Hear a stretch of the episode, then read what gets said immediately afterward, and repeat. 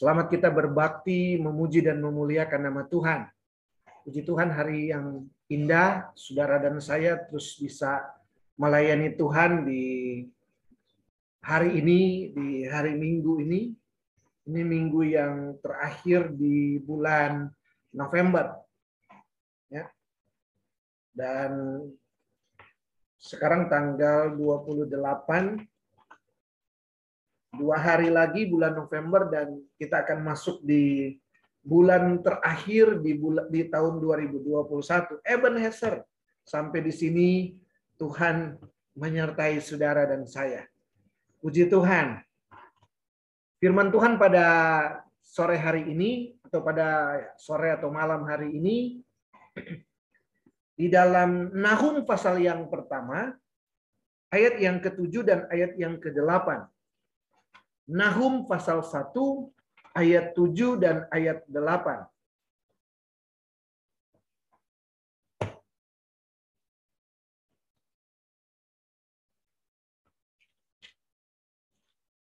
Nahum pasal yang pertama ayat yang ke-7 dan ayat 8. Demikian firman Tuhan. Tuhan itu baik ia adalah tempat pengungsian pada waktu kesusahan. Ia mengenal orang-orang yang berlindung kepadanya dan menyeberangkan mereka pada waktu banjir. Ia menghabisi sama sekali orang-orang yang bangkit melawan dia dan musuhnya dihalaunya ke dalam gelap. Puji Tuhan. Firman Tuhan sore ini berjudul Tuhan tempat perlindungan. Sekali lagi judul firman Tuhan pada sore hari ini, Tuhan tempat perlindungan. Jadi yang baru saudara dan saya baca adalah bagian dari kebenaran firman Allah yang disampaikan oleh Tuhan melalui Nabi Nahum. Karena ayat yang pertama dikatakan ucapan ilahi tentang Niniwe. Jadi kitab uh, atau ini ditulis oleh Nahum, seorang nabi yang dipanggil Tuhan untuk uh, bersuara tentang bangsa-bangsa lain. Ya. Ucapan ilahi itu kalau bahasa Ibrani-nya masa. Masa itu artinya beban. Jadi beban ilahi. Ada beban ilahi. Biasanya beban ilahi diberikan kepada hamba-hamba Tuhan, kepada anak-anak Tuhan yang terbeban. Lihat jiwa-jiwa kita punya beban. Lihat uh, orang yang membutuhkan pertolongan, hati kita tergerak oleh belas kasihan itulah beban. Jadi kalau di sini ucapan ilahi, ada beban beban yang ditaruh di hati Nahum yang kemudian diungkapkan, ditulis. Nah, saudara-saudara, ayat 7 itu dikatakan Tuhan itu baik. Ia adalah tempat pengungsian. Jadi kita lihat dulu di sana ada empat hal yang yang dikatakan tentang Tuhan. Ada empat hal di sana. Yang pertama Tuhan itu baik. Haleluya. Itu dulu. Yang pertama bahwa Tuhan itu baik. Makanya dia menjadi tempat perlindungan itu luar biasa karena Tuhan itu baik. Di dalam Lukas pasal 11 ayat yang ke-13, di sana dikatakan, nanti saudara bisa baca, eh, tetapi Lukas 11 ayat 13 dikatakan, firman Tuhan katakan, Yesus berkata, jika kamu yang jahat tahu memberi yang baik kepada anak-anaknya, ya seperti itu ya. Apalagi Bapamu yang di sorga, ia akan memberikan roh kudus kepada mereka yang meminta kepadanya. Inilah kebaikan Tuhan. Bapak di dunia katanya, Tuhan katakan, jika kamu yang jahat tahu memberi yang baik buat anak-anaknya. Ya, kalau untuk uh, orang tua tentu di sini sudah yang sudah menikah, sudah punya anak tahulah ya bagaimana uh, orang tua itu memberi kepada anaknya gitu. Kalau bisa mau dikasih dari ujung rambut sampai ujung kaki mau dikasih semua kan begitu. Nah kata Tuhan manusia yang jahat saja tahu memberi yang baik buat anaknya. Apalagi Bapa yang di sorga. Oh haleluya. Artinya kalau di dunia ini ada Bapa yang sangat baik. Ada Bapa yang luar biasa buat anak-anaknya. Tetap saja tidak bisa menandingi kebaikan Tuhan. Dia tahu memberi apa yang dibutuhkan oleh anak-anaknya. Ini yang pertama. Tuhan itu baik. Ini adalah uh, beban hati yang diungkapkan oleh Nahum. Ya, dikatakan Tuhan itu baik. Dia berbicara dia berbicara memang kepada orang Israel juga. Nahum berbicara kepada orang Israel, tapi berbicara tentang apa yang akan terjadi tentang Niniwe. Tetapi juga saya percaya bahwa Niniwe juga mendengar ini semua. Jadi memang kitab Nahum ini kitab eh, apa kok padahal kan Niniwe sudah bertobat. Ya, Niniwe waktu Yunus bertobat. Waktu Yunus kan firman Tuhan katakan kitab Yunus, Niniwe bertobat waktu Yunus bilang, 40 hari akan kutunggang balikan ini Niniwe. Niniwe ibu kota kerajaan Asyur. Eh, mereka bertobat semua dan akhirnya Niniwe diselamatkan. Itu sama Yunus. 100 tahun kemudian berbeda. Jadi Nahum dengan Yunus itu beda 100 tahun, kira-kira 100 tahun. Ternyata Niniwe masih terus berbuat dosa. Ya, tidak ada yang menuntun mereka dalam kebenaran. Jadi mereka ada di dalam dosa, mereka ada dalam kejahatan, sehingga uh, murka Tuhan turun melalui Nabi Nahum disampaikanlah apa yang akan terjadi kepada Niniwe. Nanti saudara bisa baca. Tetapi Tuhan eh, berkata lewat Nabi Nahum yang pertama, Tuhan itu sebetulnya Tuhan yang baik. Dia adalah Tuhan yang baik buat saudara dan saya. Buat anak-anak Tuhan. Buat umat Tuhan dia adalah Tuhan yang baik. Itu sebabnya Yesus katakan, kamu saja yang jahat, manusia jahat saja tahu beri kepada anak-anaknya yang baik. Apalagi Bapa di sorga. Saya percaya kita semua adalah anak-anaknya Tuhan. Amin. Saudara adalah anak Tuhan. Jadi Tuhan tahu memberi kepada saudara apa yang dibutuhkan, apa yang diperlukan.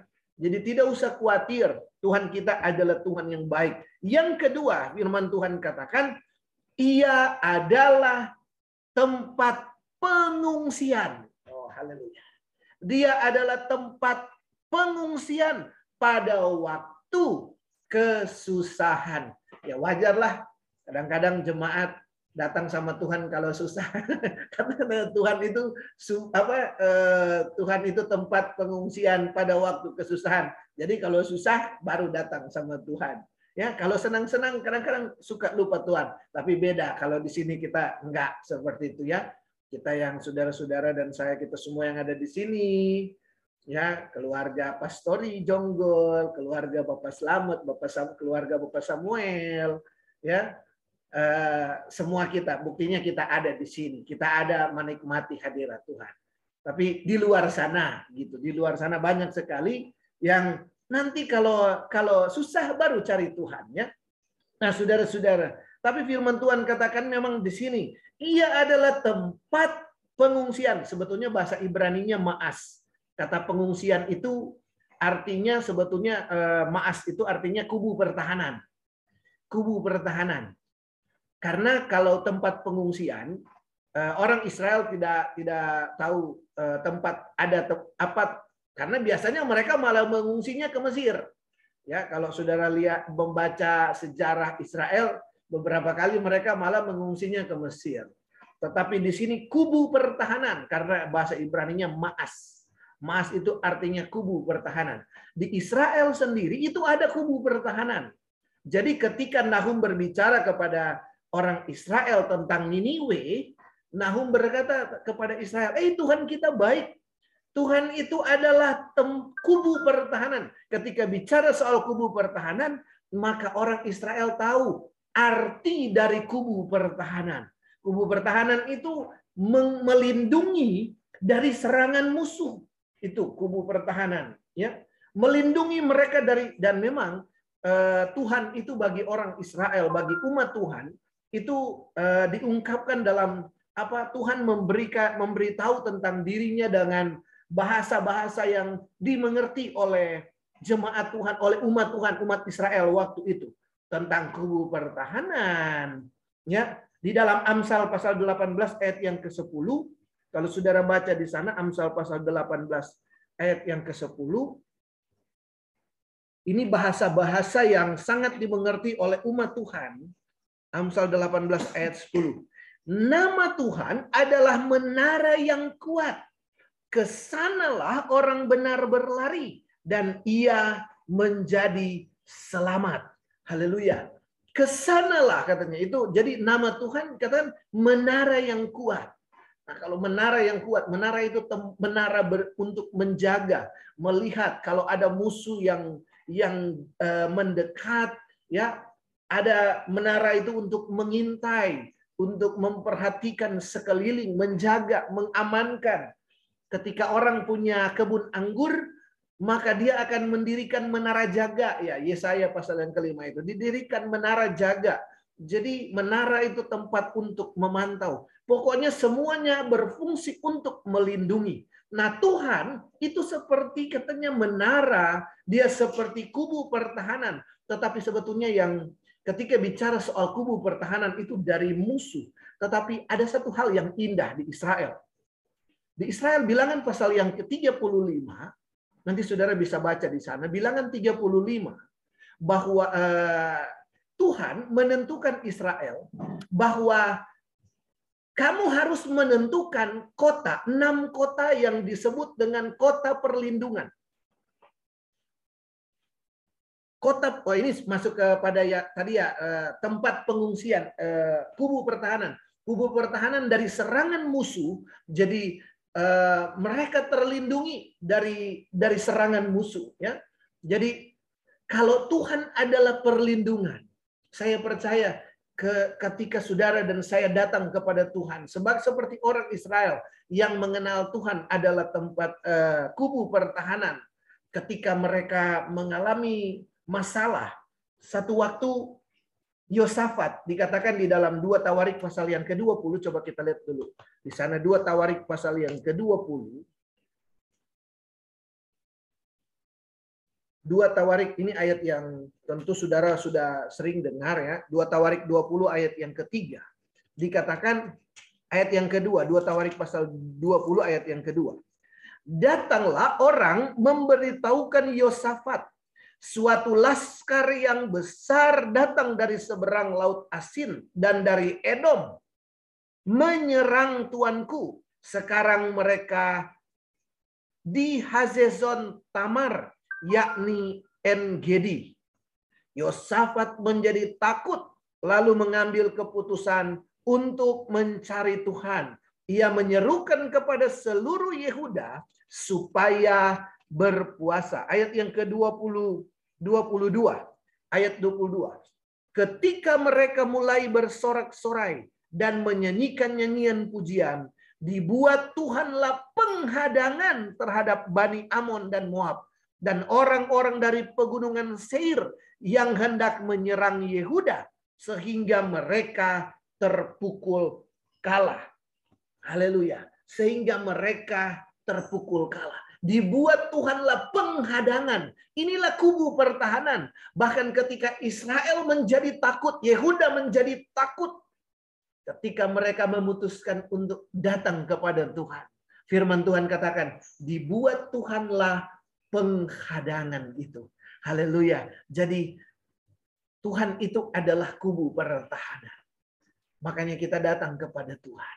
Ketika ada hal ada ada situasi yang menyerang saudara dan saya.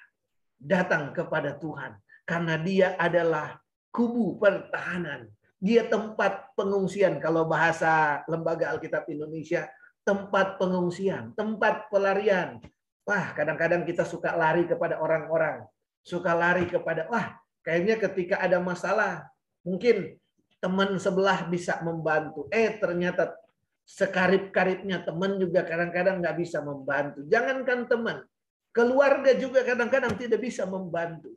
Tapi firman Tuhan katakan, Iya, Tuhan adalah tempat pengungsian, adalah kubu pertahanan.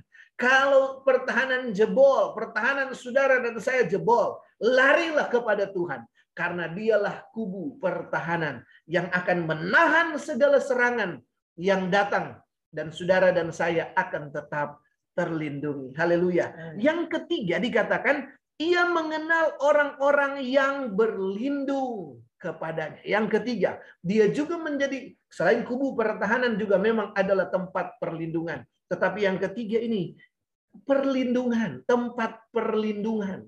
Dia menjadi tempat dari orang-orang benar yang datang berlindung kepadanya. Nah ini yang maksud saya yang uh, di dalam bilangan pasal yang ke-35 itu Tuhan berkata kepada Israel, tentukanlah kota-kota yang akan menjadi tempat perlindungan. Coba kita lihat bilangan pasal yang ke-35. Ini luar biasa eh, bilangan 35 ini. Di seluruh dunia mungkin hanya Israel yang punya yang seperti ini. Bilangan 35 ayat yang ke-11. Ayat yang ke-10, ayat mulai ayat 9 saja. Tuhan berfirman kepada Musa, berbicaralah kepada orang Israel dan katakanlah kepada mereka, apabila kamu menyeberangi sungai Yordan ke tanah Kanaan, maka haruslah kamu memilih beberapa kota yang menjadi kota-kota perlindungan bagimu. Saudara lihat, kota-kota perlindungan bagimu supaya orang pembunuh yang telah membunuh seseorang dengan tidak sengaja dapat melarikan diri ke sana. Kota-kota itu akan menjadi tempat perlindungan bagimu terhadap penuntut balas. Supaya pembunuh jangan mati sebelum ia dihadapkan kepada rapat umat untuk diadili. Dan kota-kota yang kamu tentukan itu haruslah enam buah kota perlindungan bagimu. Nah, saudara-saudara, di Israel ada enam kota perlindungan ditentukan oleh Tuhan. Fungsinya untuk apa? Itu tadi dikatakan, kalau ada pembunuh, saudara-saudara, kalau ada orang dengan tidak sengaja mungkin membunuh seseorang, itu akan di, di sana kan darah apa nyawa ganti nyawa ya mata ganti mata gigi ganti gigi jadi pokoknya kalau mereka hajar harus dihajar. Tetapi saudara-saudara, ketika seseorang menjadi seorang pembunuh, Tuhan memberikan satu aturan. Orang Israel harus mem, mem, apa, menentukan enam kota sebagai kota perlindungan. Dan ini wajib dilindungi oleh undang-undang mereka, yaitu hukum Taurat. Semua orang yang masuk ke situ tidak boleh diapa-apakan. Gitu sudah. Sebesar dosanya, dosa paling besar bagi mereka adalah membunuh. Mencabut nyawa seseorang. Kalau dia masuk di tempat perlindungan itu, kota perlindungan, maka mereka tidak boleh diapa-apakan. Itu makna dari perlindungan. Jadi saudara-saudara ketika Nahum berkata bahwa dia adalah tempat perlindungan. Ada banyak ayat juga bicara dia tempat perlindungan. Kalau kita hanya berpikir perlindungan itu seperti payung, seperti perisai, dan sebagainya. Tapi bagi Israel, kata perlindungan itu akan selalu mengarah kepada kota perlindungan. Ketika seorang berbuat salah dengan kesalahan yang sangat besar, tidak bisa diampuni sekalipun kalau dia masuk di kota itu, dia tidak boleh diapa-apakan. Saudara-saudara, itu sebabnya Roma pasal yang ke-8 kemudian kita bisa kita bisa mengerti ketika Roma 8 ayat 1 dikatakan, demikian juga sekarang tidak ada penghukuman bagi mereka yang ada di dalam Kristus, yang berjalan di dalam rohnya. Nah, saudara-saudara yang kekasih di dalam Tuhan, ini kota perlindungan eh, ada enam saya lupa tapi dua di antaranya itu yaitu Sikem dan Hebron. Mungkin saudara tahu kota ini Sikem dan Hebron. Sikem dan Hebron inilah dua di antara enam kota perlindungan. Kemudian di apa eh, Hebron itu masuk wilayah Kaleb dan eh, Sikem itu masuk wilayah Yusuf. Saya berpikir bahwa ketika Daud dikejar-kejar oleh eh, Saul, kenapa Daud larinya ke Hebron? Karena Hebron itu kota perlindungan. Ketika dia ada di Hebron, Saul tuh nggak boleh ngapa-ngapain Daud. Biarpun dia adalah musuh negara, biarpun dia musuh Saul, karena Daud ada di Hebron. Dan luar biasanya di situlah Daud dia mengus, menyusun kekuatan. Dan dia menjadi raja di Hebron selama tujuh tahun. Baru kemudian dia menjadi raja bagi kerajaan Israel secara utuh. Kota perlindungan. Kalau saudara dan saya, bagi Tuhan, firman Tuhan katakan, dia tempat perlindungan bagi orang-orang benar. Dia seperti kota perlindungan itu. Ada enam kota perlindungan yang ada di tengah-tengah Israel. Dan luar biasanya orang yang masuk di situ. Dia penjahat sekalipun apa pun itu. Dia tidak boleh dihukum di situ. Dia harus keluar dari Hebron baru dia boleh dihukum dan sebagainya. Dia tidak boleh dieksekusi di di kota perlindungan itu. Bahkan aturan nanti saudara bisa baca. Cuman kalau misalnya kalau dulu ada imam besar mereka ya, kalau imam besar mati meninggal, ya dia bisa keluar dari kota perlindungan dan dosanya eh, kesalahannya dianggap selesai. Itu saudara-saudara dosanya dianggap selesai. Imam besar kita yaitu Yesus mati buat saudara dan saya. Supaya apa? Supaya dosa kita dianggap selesai. Haleluya. Itu sebabnya datang kepada Tuhan. Yesus adalah tempat perlindungan. Saya senang sekali dengan kebenaran firman Tuhan ini. Kota perlindungan. Dia adalah kota perlindungan. Dia adalah tempat perlindungan. Dan firman Tuhan katakan tadi di dalam Nahum pasal yang pertama tadi kembali kepada Nahum pasal yang pertama ia mengenal orang-orang yang berlindung padanya. Ini yang ketiga. Tadi ia adalah dia baik, kedua dia tempat pengungsian atau dia kubu pertahanan dan yang ketiga dia adalah tempat perlindungan dan dia mengenal orang-orang yang berlindung padanya. Yesus tahu siapa yang berlindung padanya. Dia mengenal saudara dan saya yang datang kepada Tuhan. Dan ini yang keempat, yang terakhir. Dan menyeberangkan mereka pada waktu banjir. Haleluya. Puji Tuhan, menyeberangkan mereka pada waktu banjir. Saudara-saudara, ayat ini baru baru saja uh, saya mengerti, terbuka di hari-hari uh, ini ketika hari penghujan apa dan ini baru ketika saya baca saya suka baca ini tapi cuman seperti itu Bu ya biasa ya kita kadang-kadang kalau belum terbuka firman Tuhannya ya belum belum memberikan hikmat tetapi uh, saya lihat apa ada walaupun kita sudah sering uh, lihat bencana tetapi saya lihat bencana Garut ya kemarin kalau nggak salah bencana Garut dan saya lihat banjir bandang. Saudara bisa ini banjir bandang tahu banjir bandang kan? Siapa yang mau nyebrang saat banjir bandang? Saat banjir.